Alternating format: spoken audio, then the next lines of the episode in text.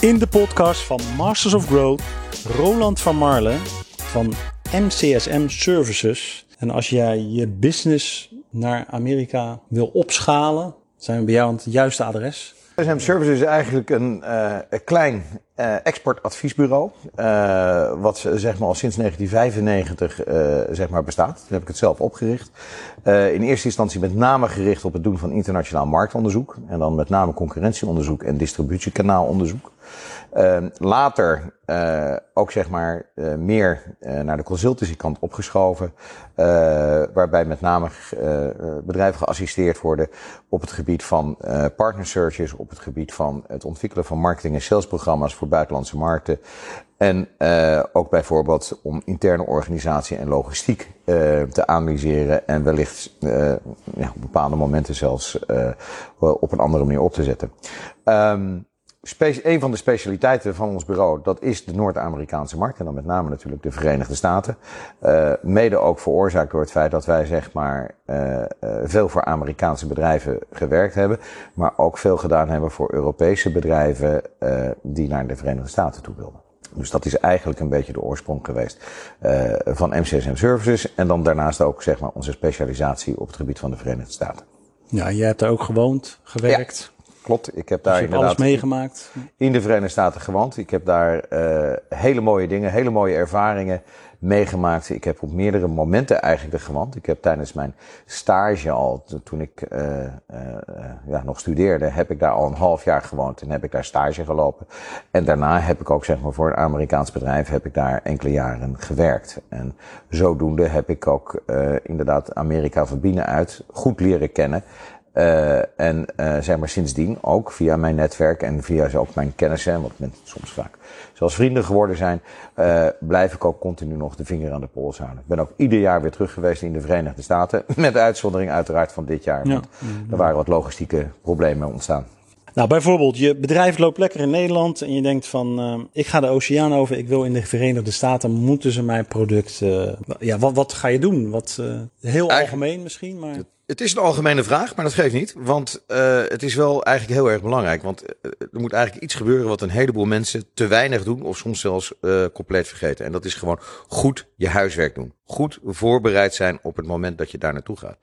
Op het moment dat Amerikanen zaken met je willen doen. Of eventueel geïnteresseerd in je zouden willen zijn. Dan verwachten ze eigenlijk van minuut één dat ze met een terzakenkundig persoon te maken hebben op het moment dat je daar naartoe gaat zonder goede voorbereiding, om gewoon maar ja, de temperatuur van het water te, uh, te voelen, zeg maar, zoals uh, veel mensen het noemen, dan loop je het risico dat je misschien bij hele interessante contacten al snel de interesse gaat verliezen vanwege het feit dat je niet professioneel en ter zake kundig overkomt.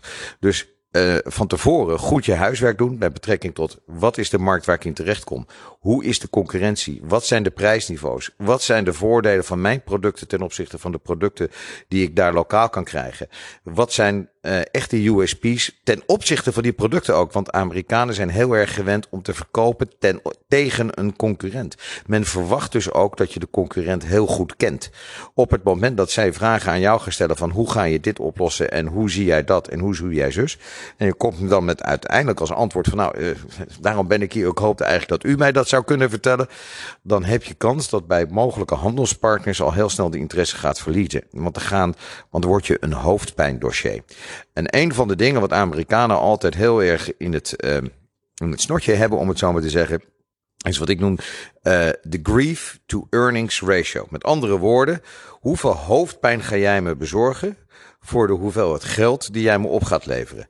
En op het moment dat zij zien dat jij uh, eigenlijk helemaal opgevoed moet worden op het gebied van logistiek, service, uh, dienstverlening of productontwikkeling of marketingdocumentatie, marketingmethodes en dergelijke. Dat dat helemaal nog uh, gelokaliseerd moet worden voor de Verenigde Staten.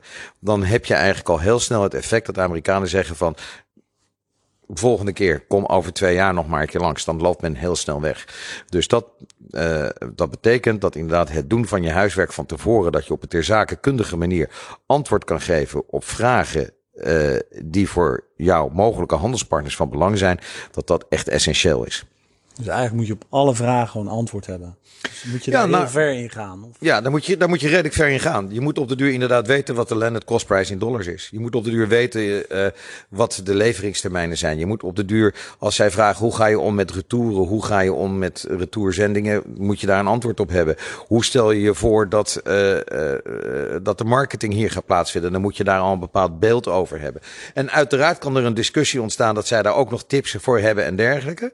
Maar zij willen wel graag proeven dat jij inderdaad zeg maar met kennis van de markt daar naartoe komt.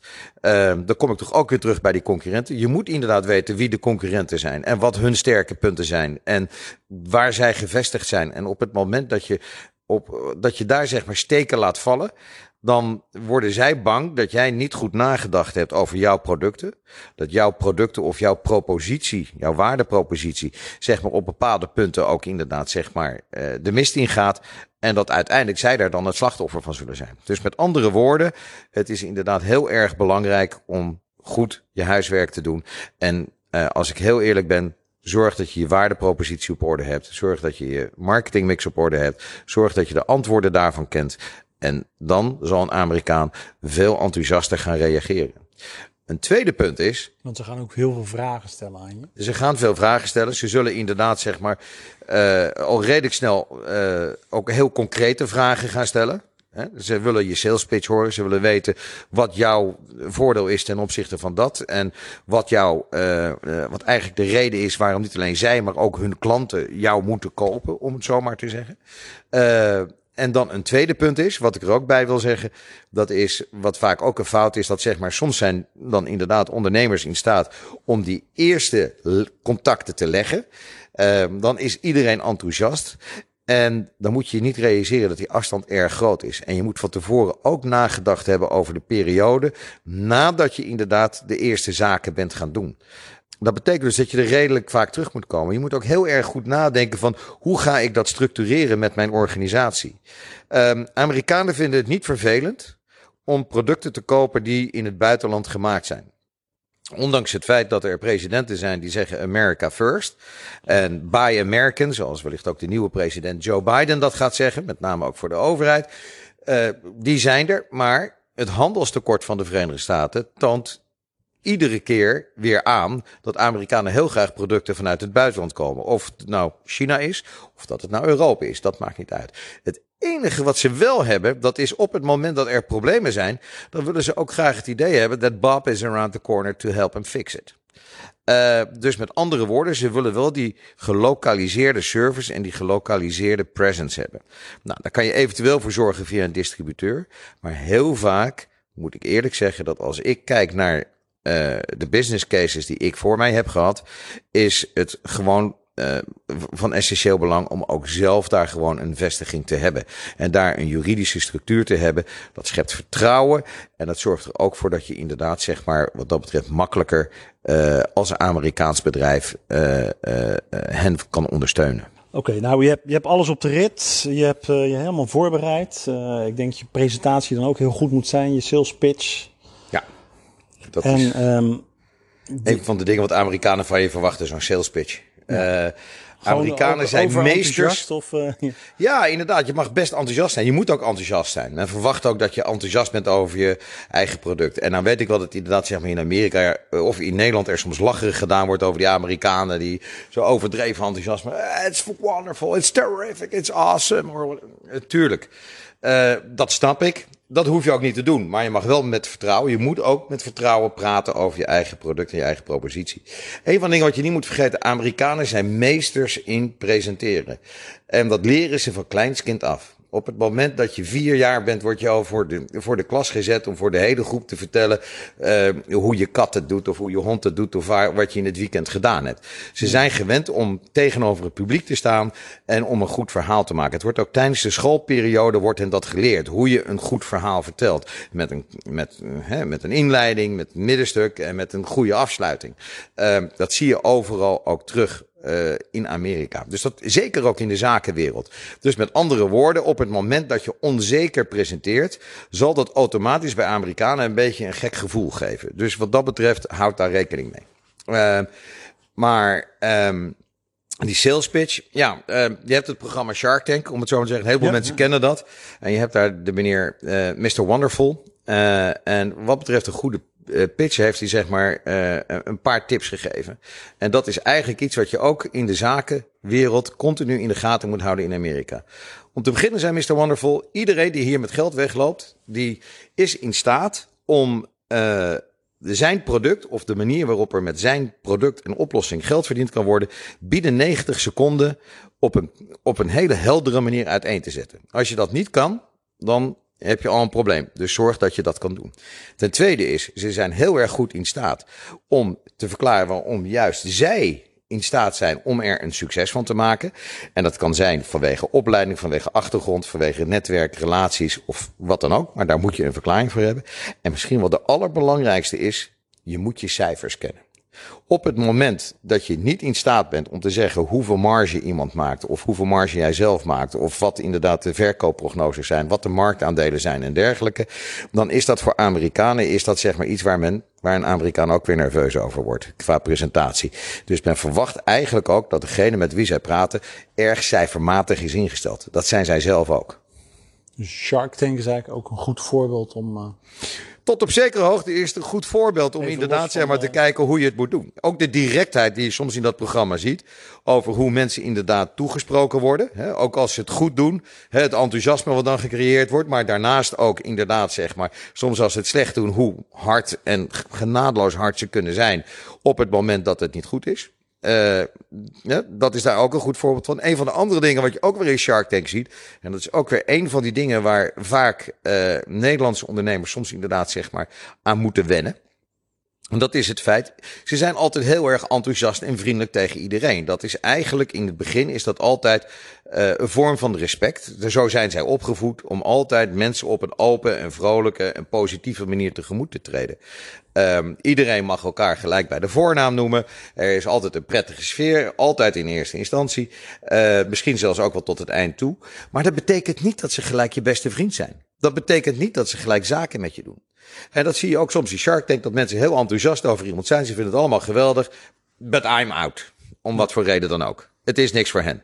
Maar men blijft inderdaad zeg maar enthousiast en positief naar elkaar toe. En dat positivisme wat je nou, dat is, een, dat is gewoon een soort beleefdheidsvorm. En dat positivisme, dat is eigenlijk ook iets wat men, uh, uh, uh, wat men ook van de, tegen, van de tegenpartij, van zeg maar de andere kant verwacht. Dus houd daar ook rekening mee. Ja, dus wij Nederlanders doen maar gewoon, doe je gek genoeg. Dat kan je beter niet. Nee, inderdaad. Betekent niet dat je nou zelf ook een Amerikaan moet worden, dat je fake moet worden of wat dan ook. Maar onthoud wel die basisregel dat je inderdaad positief blijft, dat je vriendelijk blijft, uh, dat je hoffelijk blijft. En uh, dat je inderdaad ja, ook verder gewoon zakelijk en feitelijk blijft. Ik kan me zo voorstellen, je bent in Nederland, je hebt een product wat goed loopt. Ik noem maar wat barbecues. En je denkt van, dat is echt Amerikaans. ik weet niet of ja. nou zo handig is. Weber Grill. Ja. Dus je gaat met die barbecue, denk je van, hé, hey, dat ziet er allemaal goed uit. Het is helemaal ontwikkeld. Ik moet dat waarschijnlijk bij een groothandel gaan verkopen of bij, uh, ja, noem eens een bedrijf. Hoe nou ja, pak je dat aan? Bij groothandel, ik denk wat dat betreft heb je zogenaamde wat ze noemen de big box stores. Hè? Uh, die inderdaad heel veel kunnen doen. Je hebt natuurlijk tegenwoordig ook een heleboel e-commerce en e-fulfillment uh, strategieën die mogelijk zijn om inderdaad die markt te gaan bewerken. Uh, maar op het moment dat je inderdaad daar naartoe gaat, dan kom ik er toch weer bij op. Dan is het belangrijk dat je daar inderdaad zeg maar erover nagedacht hebt. Hoe ga ik dat in dat land vormgeven wat betreft servicing, wat betreft logistiek, wat betreft eigenlijk organisatie. Eigenlijk moet het zo zijn op het moment dat je daar succesvol wil zijn, moet je gewoon een, uh, uh, kunnen acteren als elk ander Amerikaans bedrijf. Um, dat kan je via een partner doen. Zoals ik al eerder zei, over het algemeen is het toch beter om daar inderdaad in eerste instantie een stuk eigen controle over te hebben. En uh, dat vanuit je eigen organisatie te doen. Op het moment dat je inderdaad uh, uh, zeg maar naar een groothandel toe gaat, qua presentatie, dan kom je weer op dezelfde punten uit die we net besproken hebben wat betreft feitelijk zijn en zorgen dat je een goede business case hebt. Want money, money, money, dat is belangrijk in de Verenigde Staten. Dus je moet in jouw pitch moet je altijd kunnen vertellen hoe zeg maar jouw zakenpartner daar geld aan kan verdienen. Want eind, uiteindelijk is het waar ze daarvoor zitten. Ze zitten daar om geld te verdienen. Uh, en vervolgens hen het gevoel te geven dat op het moment dat zij zaken met jou doen, dat zeg maar alle dingen die zij nodig hebben van jou op een goede manier gecoverd zijn. Dus hoe zit het met garantie? Kan je inderdaad zeg maar die garantie die zij willen hebben, die zij nodig hebben, kan je die bieden? Denk eraan, service is verschrikkelijk belangrijk in Amerika. Ook als je online verkoopt, is het zo dat je enorme garanties moet bieden op het gebied van service, maar ook van productkwaliteit. En dat zijn echt van die, van die dingen van. Uh, je, veiligheid natuurlijk. Uh, veil, ja, veiligheid. Wordt, uh, ja. Ja, nou, daar, daar kom ik straks nog op terug. Daar kom ik straks nog op terug. Dat is uh, wat dat betreft iets waar Nederlanders zich altijd heel erg druk over maken. Wat betreft de juridische consequenties in Amerika. Maar wat dat betreft durf ik echt te zeggen: de soep wordt echt niet zo heet gegeten als dat die opgediend lijkt te worden, eh, volgens de Nederlanders. Maar uh, nee, ik heb met name wat betreft zeg maar hoe de perceptie van, van service en garantie en kwaliteit. Op het moment dat jij daar verkoopt, dan is het inderdaad 90 days on trial and you can send it back, no questions asked. 100% uh, satisfaction guaranteed. Dat soort garanties verwacht men. En men verwacht ook niet dat er dan inderdaad, uh, zeg maar, tegengestribbeld wordt door het bedrijf of wat dan ook. Um, men verwacht ook inderdaad op het moment dat er iets mis mee is en men wil uh, servicing hebben, dat het op een goede manier geregeld is. Dat men snel inderdaad een monteur krijgt of dat men snel inderdaad een vervangend product krijgt. Ook daar moet niet al te veel over gezeurd worden. En dat zijn allemaal zaken die goed geregeld moeten zijn. En jouw partners, als zij jouw product gaan verkopen, moeten ook het idee hebben dat dat ook ten behoeve van hen of uh, in het verlengde van hen ook goed geregeld is. Dat zij daar ook in ondersteund worden. Uh, dus zorg dat je ook wat dat betreft weer je huiswerk gedaan hebt. Dat die waardepropositie die uiteindelijk de finale klant, of het nou een eindconsument is of een bedrijf, moet proeven en moet voelen, dat die ook inderdaad geleverd kan worden. En dat is heel erg belangrijk. Maar toch praktisch gezien zou je dan zeggen met zo'n barbecue, ik ga naar een groothandel of ik ga zelf agenten benaderen die dat kunnen verkopen. Nou, ik moet, uh, ja, je kan inderdaad naar een groothandel gaan. Of, of, er, zijn verschillende, er zijn verschillende mogelijke manieren. En dat is gewoon iets wat weer onderdeel is van mijn huiswerk doen. Je moet op de duur, zeg maar, een markt-entree-strategie. En dat is niet alleen voor de Verenigde Staten zo, als ik heel eerlijk ben. Dat geldt voor ieder land waar je naartoe gaat exporteren. Je moet bepalen, wat wordt mijn markt-entree-strategie? Met, hè, hoe, zit, hoe is die markt gestructureerd? Uh, wat betreft distributiekanalen, wat betreft afstanden, wat betreft uh, verwachtingspatroon ten aanzien van de leveranciers.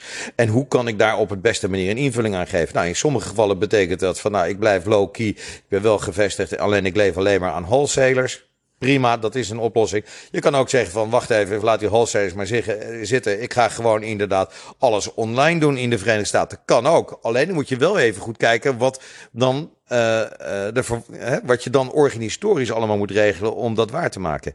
Er zijn wat dat betreft echt meerdere wegen naar Rome. Ik ga niet van tevoren zeggen, als je die barbecue wil verkopen, je moet naar een wholesaler of je moet alleen maar naar drie big, big box stores of je moet alleen maar via Ivo Filmen doen. Er zijn verschillende wegen naar Rome, ook daar. Alleen het enige wat wel erg belangrijk is, als je die keuze maakt, wat voor de reden ook je voor het een of de andere route kiest, dan moet je dat wel op de juiste manier en op een goed professionele manier gaan ondersteunen. Ja, Roland, nog even terug op die uh, ja, juridische dingen. Hè. We, er zijn natuurlijk ook Indianenverhalen die je hoort. Bijvoorbeeld uh, bij de McDonald's dat je een, uh, een bak koffie over je heen krijgt en dat je voor 40 miljoen dollar gesued wordt. Zo'n verhaal heb ik ooit eens gehoord, maar volgens mij is het iets anders. ja, dat klopt. Het gesprek. Ja, dat klopt, inderdaad. Ja, het is eigenlijk wel. Als je in Nederland zeg maar het hebt over Amerika en dan komt het heel snel inderdaad over zaken in Amerika. Oh god, oh die, het is zo'n juridische maatschappij. Dan worden er altijd standaard twee voorbeelden genoemd. Het ene voorbeeld dat is um, uh, de, het hondje in de magnetron. Of de kat in de magnetron. Of een hondje in de magnetron. En het tweede voorbeeld is inderdaad van de McDonald's. Nou, op het eerste voorbeeld kan ik heel erg kort zijn. Nooit gebeurd. Dat is een, waarschijnlijk verhaal wat in Nederland ergens op een Rotary-avond bedacht is, wat er lekker inging en wat vervolgens door iedereen doorverteld is. Want het gekke is ook, dat verhaal kent niemand in het buitenland. In Duitsland kent men dat verhaal ook niet. Men kent het alleen in Nederland. En dan het tweede is, inderdaad, en dat is wel echt gebeurd, dat is het verhaal van een oud dametje. Wat zeg maar koffie in, bij de McDonald's in haar schoot kreeg. En dat ze daardoor brandwonden opliep. Nog op een vrij beschamende plek ook. Uh, en nou is het zo dat daar inderdaad zeg maar een settlement is geweest uiteindelijk. Dat zij niet 40 miljoen hoor, maar volgens mij was het maar iets van een miljoen dollar of anderhalf miljoen dollar gekregen heeft van McDonald's. Toch is het zo dat op het moment dat je de details van de casus kent, dan moet ik eerlijk zeggen, heeft het rechtssysteem in Amerika goed gewerkt. Want het was eigenlijk vrij schandalig wat McDonald's gedaan had. McDonald's die was er namelijk achter gekomen dat hun koffie niet altijd heel erg lekker gevonden werd. En toen is men, uh, heeft men voorgesteld om de temperatuur van de koffie bewust te verhogen. Uh, zodat inderdaad men de smaak niet meer zo goed zou proeven. En dan zou er vanzelf meer koffie gedronken worden. En daar is toen een soort spreadsheet van gemaakt. Men heeft er testen mee gedaan en men heeft er een spreadsheet van gemaakt waar precies in stond wat de kosten waren van uh, zeg maar de energiekosten van de hogere temperatuur en wat dan de extra afzet zou zijn. Maar wat stond er in dat spreadsheet bij een van de kostenposten ook? Dat stond out of court settlements for bodily injury. En dat was gewoon een bedrag wat men opgenomen had. Dat men zei van ja, we een paar mensen zullen zich wel eens be, uh, verbranden, maar dan moeten we ze maar wat geld geven. Zodat inderdaad ze hun mond dicht houden. Nou, wat is nou in het juridisch systeem in Amerika iets wat gebruikelijk is? Dat is dat zeg maar advocaten van beide partijen zeg maar uh, een soort pre-trial investigation kunnen doen. Dat noemen ze discovery. En dan is het, ben je verplicht als bedrijf om jouw hele administratie open te stellen. En men kan in die hele administratie rondneuzen, de advocaten van de tegenpartij, om maar iets te zoeken wat hen helpt. En ze vonden dat spreadsheet. En dan moet jij eens voorstellen wat voor indruk het maakt op een jury in Amerika. Op het moment dat je daar die hele grote McDonald's ziet.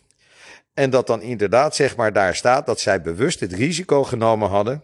om dat mensen zich zouden verwonden. alleen maar om wat meer van hun vieze koffie te verkopen. Dat is eigenlijk het verhaal erachter. Als je dat verhaal kent, dan valt dat mee. Nou, dit is een leuke anekdote. Maar wat ik in zijn geheel wil zeggen, dat is al die zaken over liability en product liability. Ja, dat bestaat in Amerika. Dat heeft er gewoon mee te maken, ook daar weer goed je huiswerk doen. Je moet je zorgen dat je goed voorbereid bent. Je moet zorgen dat je gebruiksinstructies goed zijn. Je moet inderdaad goed gekeken hebben of je producten aan alle eisen voldoen en dergelijke. En dan valt het mee. Uh, ik zal niet zeggen dat er nooit lawsuits zijn en dergelijke. Maar ik moet eerlijk zeggen, de soep wordt zeker niet zo heet opgediend als die in Nederland, uh, gegeten als die in Nederland vaak gedacht wordt dat die opgediend wordt. Um, een van de andere dingen wat ik er ook bij moet zeggen, als je dan al bang bent voor die juridische problematiek, uh, maak je geen zorgen. Zelfs als je niet naar Amerika bewust exporteert, maar jouw product belandt in Amerika, wat betreft uh, productveiligheid. En er komt een product mee en er komt een probleem mee. Dan nog kan een Amerikaanse advocaat jou ter verantwoording roepen. Dus het is per definitie altijd verstandig om er gewoon voor te zorgen dat je goede producten maakt. En dat is ook inderdaad een van de dingen weer in Amerika. Daarom zijn producten daar ook vaak over design soms. En ze, zijn, en ze gaan heel erg ver soms inderdaad met testen en, uh, en industrienormen. Om dat allemaal goed uit te kristalliseren.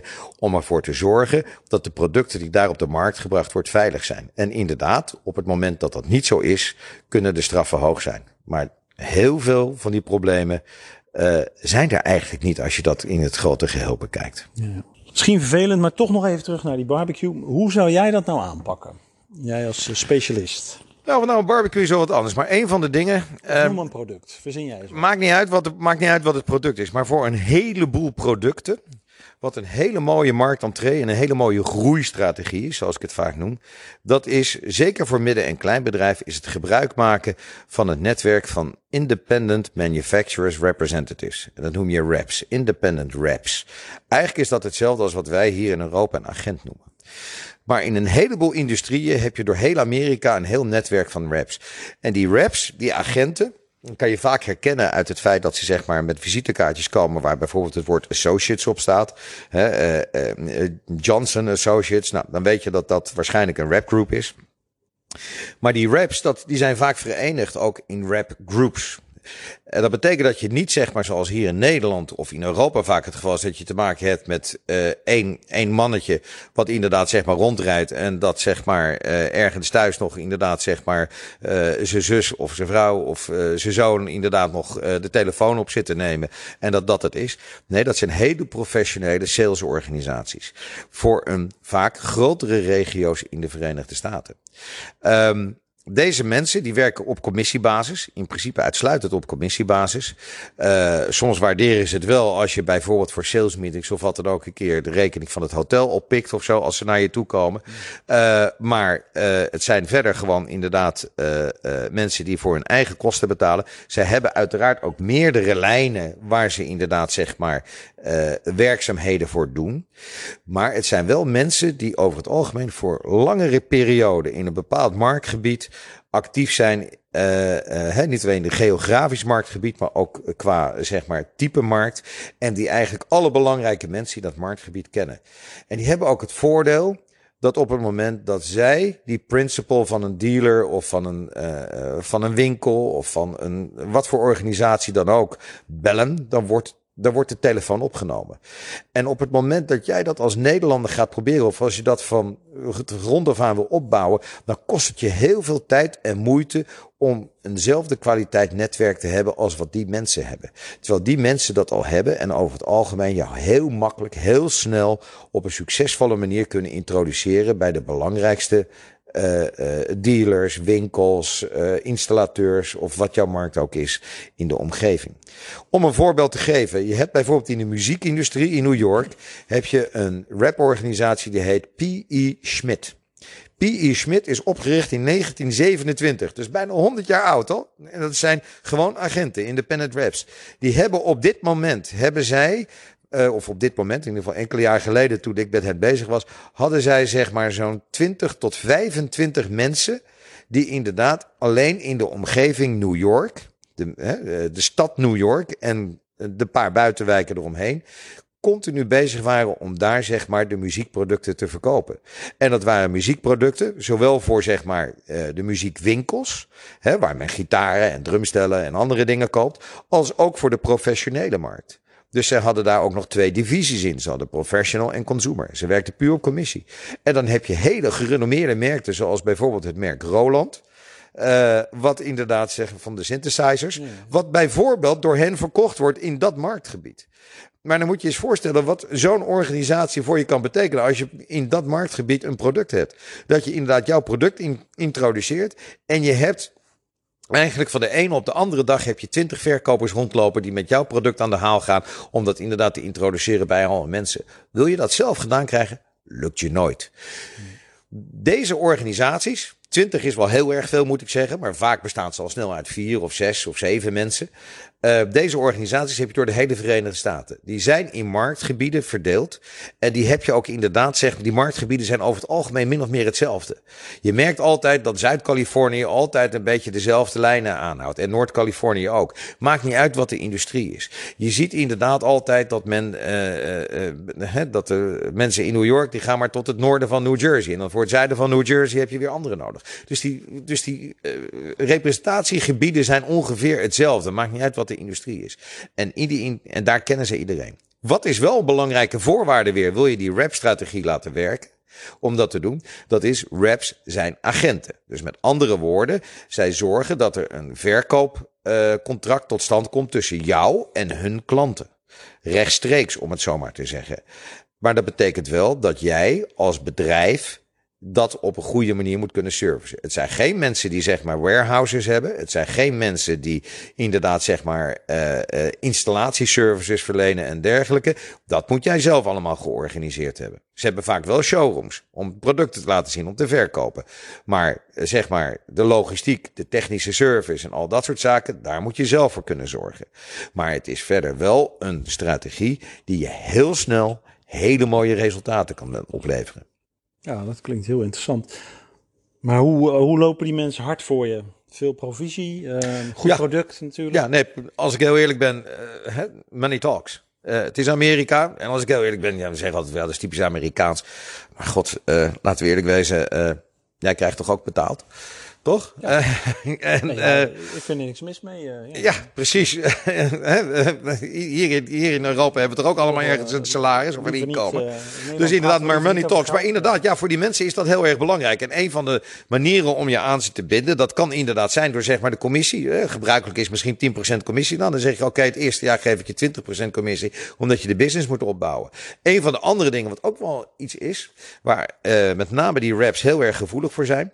In Amerika heb je heel vaak contracten. Uh, en daar houden die raps ook niet van. Dat is dat uh, uh, zeg maar ze binnen 30 dagen ontslagen kunnen worden.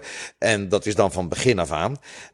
daar, vinden, daar voelen raps zich vaak ongemakkelijk bij. Goede raps lopen daar ook vaak van weg. En wat vaak beter is, dat is om hen wat langduriger contracten aan te bieden. Dat ze ook daadwerkelijk van alle zaadjes die zijn gaan zaaien op de duur, kunnen inderdaad zeg maar de vruchten kunnen gaan plukken. Dat zij dat inderdaad zien. Dat ze inderdaad zien dat het een lange termijn relatie wordt. Dat vinden zij vaak prettiger werken, uh, de goede reps, dan inderdaad zeg maar van die uh, hele vluchtige contractjes dat men inderdaad binnen 30 dagen weer ontslagen kan worden. Dus met andere woorden, ook al zijn Amerikanen zogenaamd dan wat oppervlakkig of wat dan ook, maar de goede mensen, de goede uh, organisaties, salesorganisaties, die zullen graag ook dat voor de lange termijn doen. Dus houd er ook rekening mee dat dat ook een hele mooie manier is om RapScience te binden. Door ze een perspectief voor langere termijn te bieden. En dat ze inderdaad zeg maar wat meer commissie kunnen krijgen. Nou, ik heb ooit wel eens, uh, althans ooit wel eens, dat is niet zo lang geleden, uh, een vergoeding gekregen van een Amerikaans bedrijf. En toen moest ik een uh, W8 formulier of iets. En dat was één groot drama, vond ik. Want het was echt heel ingewikkeld. En toen uh, de hele aardige klantenservice, die altijd goed is in Amerika, die werd dan toch wat, uh, wat moeilijker, zeg maar. Ja, service, service, service, dat uh, is inderdaad een van de succesfactoren voor Amerika. Je moet exceptionele service bieden. Dat houdt inderdaad wel op op het moment dat je bij immigration komt in de Verenigde Staten op de luchthavens en op het moment dat je te maken krijgt met de IRS. Dan is het wat minder klantvriendelijk over het algemeen. Um, ja, dat W8-formulier, dat is dan inderdaad met, met name voor personal tax. Uh, en eigenlijk om ervoor te zorgen dat je daar niet mee te maken krijgt. Wat ik inderdaad zeg maar mensen kan adviseren. En dan kom ik toch weer terug op het feit van ja, vaak bij de meeste business cases heb je daar een eigen organisatie nodig. Uh, dan moet je daar incorporated zijn in de Verenigde Staten. Dat is toch een advies wat ik vaak heb. Op het moment dat je veel produceert, veel exporteert naar Amerika. En misschien ook naar heel veel verschillende klanten. En op de duur zelfs inderdaad zegt van weet je wat, ik heb daar zelfs een telefoonnummer. Dan op de duur, dan zeggen die Amerikanen van hé, hey, je hebt Nexus hier. Dat betekent dat jij belastingplichtig bent. Uh, als privépersoon, nee, als bedrijf zelfs, ben je belastingplichtig. En dat is iets waar je toch even over moet nadenken van tevoren al. Dit is weer een van die dingen van je huiswerk doen. Want uh, doordat het natuurlijk zeg maar alle producten ingevoerd worden bij de douane. Overal moet een customs uh, declaration voorbij komen. Betekent dat men precies weet welk bedrijf wat Amerika heeft binnengebracht. En als er dan niks meer Amerika uitzien gaan, dan denken ze, nou, dat is hier gebleven. Dat is hier waarschijnlijk verkocht. Men kan daar dan onderzoek naar gaan doen. En op het moment dat men erachter komt dat, men, uh, dat je dat hebt, dan kunnen ze jou zomaar gaan beschouwen als een branch office. En dan krijg je alsnog het verzoek om een branch office tax te betalen. En de branch office tax is net zo hoog als incorporated zijn in de Verenigde Staten. Dan moet je over je winst zoveel betalen.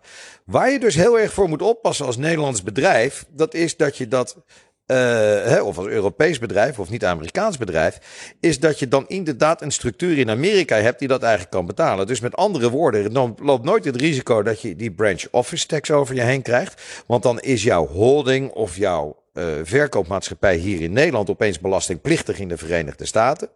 Dat wil je niet. Dus je, daarom is het een, altijd een goede business case om in Amerika dan incorporated te zijn. Nou, als we het dan over incorporation hebben, heb je in Amerika over het algemeen twee vormen. Je kan zeg maar een C-corp vormen. En dat kan je altijd herkennen aan bedrijven. Die hebben achter hun bedrijfsnaam hebben ze bijvoorbeeld uh, corp staan, C-O-R-P. Of ze hebben daar uh, incorporation, incorporated staan, I-N-C staat daarachter. Uh, dat is één vorm. En dan heb je ook nog de vorm LLC, LLC, Limited Liability Company. Nou, ook daar zeg ik weer, in Amerika wordt heel veel gebruik gemaakt om verschillende redenen, ga ik daar nu op in. Oh, voor een LLC heeft fiscaal en qua administratie en governance heeft dat heel veel voordelen, maar niet voor een Nederlands bedrijf met een Nederlandse holding.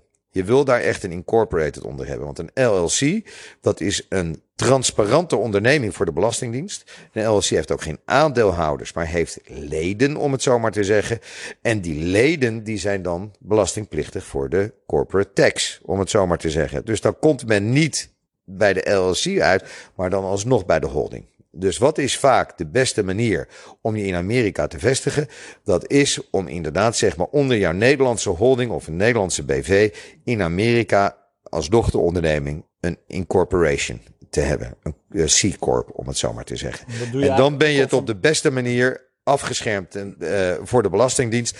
En dan kan je op den duur ook daar inderdaad Amerikaanse mensen aannemen. Je hebt een Employer Identification nummer krijg je dan, waardoor je daar mensen kan aannemen, waardoor je inderdaad daar ook, uh, zeg maar, uh, eventueel ook jouw Nederlandse staf daar eventueel onder kan brengen. Maar, en hoe snel doe je dat? Want je zegt, ja, je moet je goed voorbereiden, maar Ga je eerst even kijken hoe de producten het doen? Begin je daarna ermee of begin je gelijk Nou, al... eh, Ik, ik moet eerlijk zeggen, ik zou inderdaad, ik, ik, dat is een goede vraag. Ik zou dat simultaan doen. Want terwijl je inderdaad zeg maar de markt aan het testen bent, terwijl je inderdaad zeg maar met je producten daar naartoe gaat en inderdaad gaat kijken van kan ik, hè, kan ik dit hier verkopen? Nog steeds. Doe je huiswerk, zorg dat je eigenlijk daar al naartoe gaat op een manier dat je het morgen bij wijze van spreken zou kunnen leveren. Maar dan vervolgens is het zo dat je tegelijkertijd inderdaad ook zeg maar in samenwerking met een lawyer. Want dit is echt iets, als ik heel eerlijk ben, daar heb je een lawyer voor nodig. Ik weet, je kan in 30, mi- ik kan nu, eh, tussen nu en 30 minuten kan ik incorporated zijn in Florida via het internet. Maar geloof me, dat wil je niet. Is goedkoop, is snel inderdaad, maar je wilt het degelijk gedaan hebben. Want het is heel lastig weer terug te draaien. Dus je wilt met een lawyer en accountants dan ook even aan de gang om te kijken wat is de beste manier van incorporation en hoe moet ik dat juridisch qua structuur en fiscaal op de beste manier vormgeven. Maar dat kan je allemaal tegelijkertijd doen dat op het moment dat de eerste orders gaan dat je ook gelijk inderdaad daar je vestiging hebt. Maar ik zou daar inderdaad niet te lang mee wachten. En als je bijvoorbeeld zo'n advocaat daar neemt, is, is, eh, word je snel opgelicht? Of, of, of Advocaten, eh, advocaten zijn over het algemeen duur, maar, maar gewoon als je het hebt over een standaard incorporation met bylaws. De bylaws zijn dan de statuten erbij. En eh, registration, en bijvoorbeeld incorporation in Delaware. Vaak wordt het in Delaware gedaan omdat dat de best ontwikkelde jurisprudentie heeft in Amerika op het gebied van corporate law. En dan bijvoorbeeld de registration in een andere staat. Eh, dan ben je misschien eh, met een, al met een toplawyer hoor, van het topkantoor. Ja, ik, eh, ik kan bijvoorbeeld naar Baker McKenzie toe gaan. Er zit een hele goede advocaat, Jan Joosten, die inderdaad eigenlijk een Nederlander is, maar daar werkt. En dan ben je iets van 3 tot 4.000 dollar kwijt, volgens mij. En, want het zijn redelijk standaard dingen die zij doen. Maar je moet wel even op de belangrijke punten moet het even. die moeten de juiste accenten gelegd worden. Bijvoorbeeld in de statuten. Nou, volgens mij verstonden we elkaar verkeerd. Althans, eh, ik eh, was misschien niet duidelijk. Ik zei, kan je niet opgelicht worden? Jij, jij verstond volgens mij opgericht, maar... Dus word je makkelijk opgelicht? Of eh, als je naar Thailand gaat bijvoorbeeld, dan eh, heb je heel snel kans... voordat je het weet... Word je makkelijk op, opgelicht in de Verenigde Staten? ja, misschien klinkt dat een beetje als een rare vraag. Ah. maar- Ja, god. Eh, hoe zou ik het zeggen? In Ja, ieder nou, land. Ik, je stelt gewoon, oké, jij, jij moet een advocaat hebben. Oké, ja, je klopt aan bij een advocaat. Komt het dan allemaal goed? Of gaat het ook wel eens mis dat je denkt van, nou, het wordt me een oor aangenaaid? Ehm, Dat- nou, ik moet eerlijk zeggen, ja, natuurlijk. Hè, eh, daarom wil je, ik zou bijna zeggen, juist daarom wil je inderdaad een goede advocaat erbij hebben. om ervoor te zorgen dat dat juist niet gebeurt. Ja. Eh, dat je geen oor aangenaaid wordt. En het is inderdaad zo, wat dat betreft, is dan inderdaad die legal society, die is er. Eh, hè, en wat heel belangrijk is, hè, Amerikanen hebben altijd hele dikke contracten. Maar dat heeft ook te maken met hun rechtspraak. Want, in, want volgens Amerikaans recht is het zo dat eh, goede bedoelingen, redelijk en billijkheid en, en, wat men normaliter verwachten mag, dat doet allemaal niet de zaak. Het gaat erom wat in het contract staat. En ook al heb je ergens anders zelfs e-mail staan en dergelijke, waar iemand zegt van ja, dan maak je wel een wijziging op het contract. Als die in het contract staat, staat die in het contract, klaar. En de rechter richt zich op het contract. Dus je wil inderdaad zeg maar die lawyers erbij hebben. Ja, en dat zijn duurdere kosten.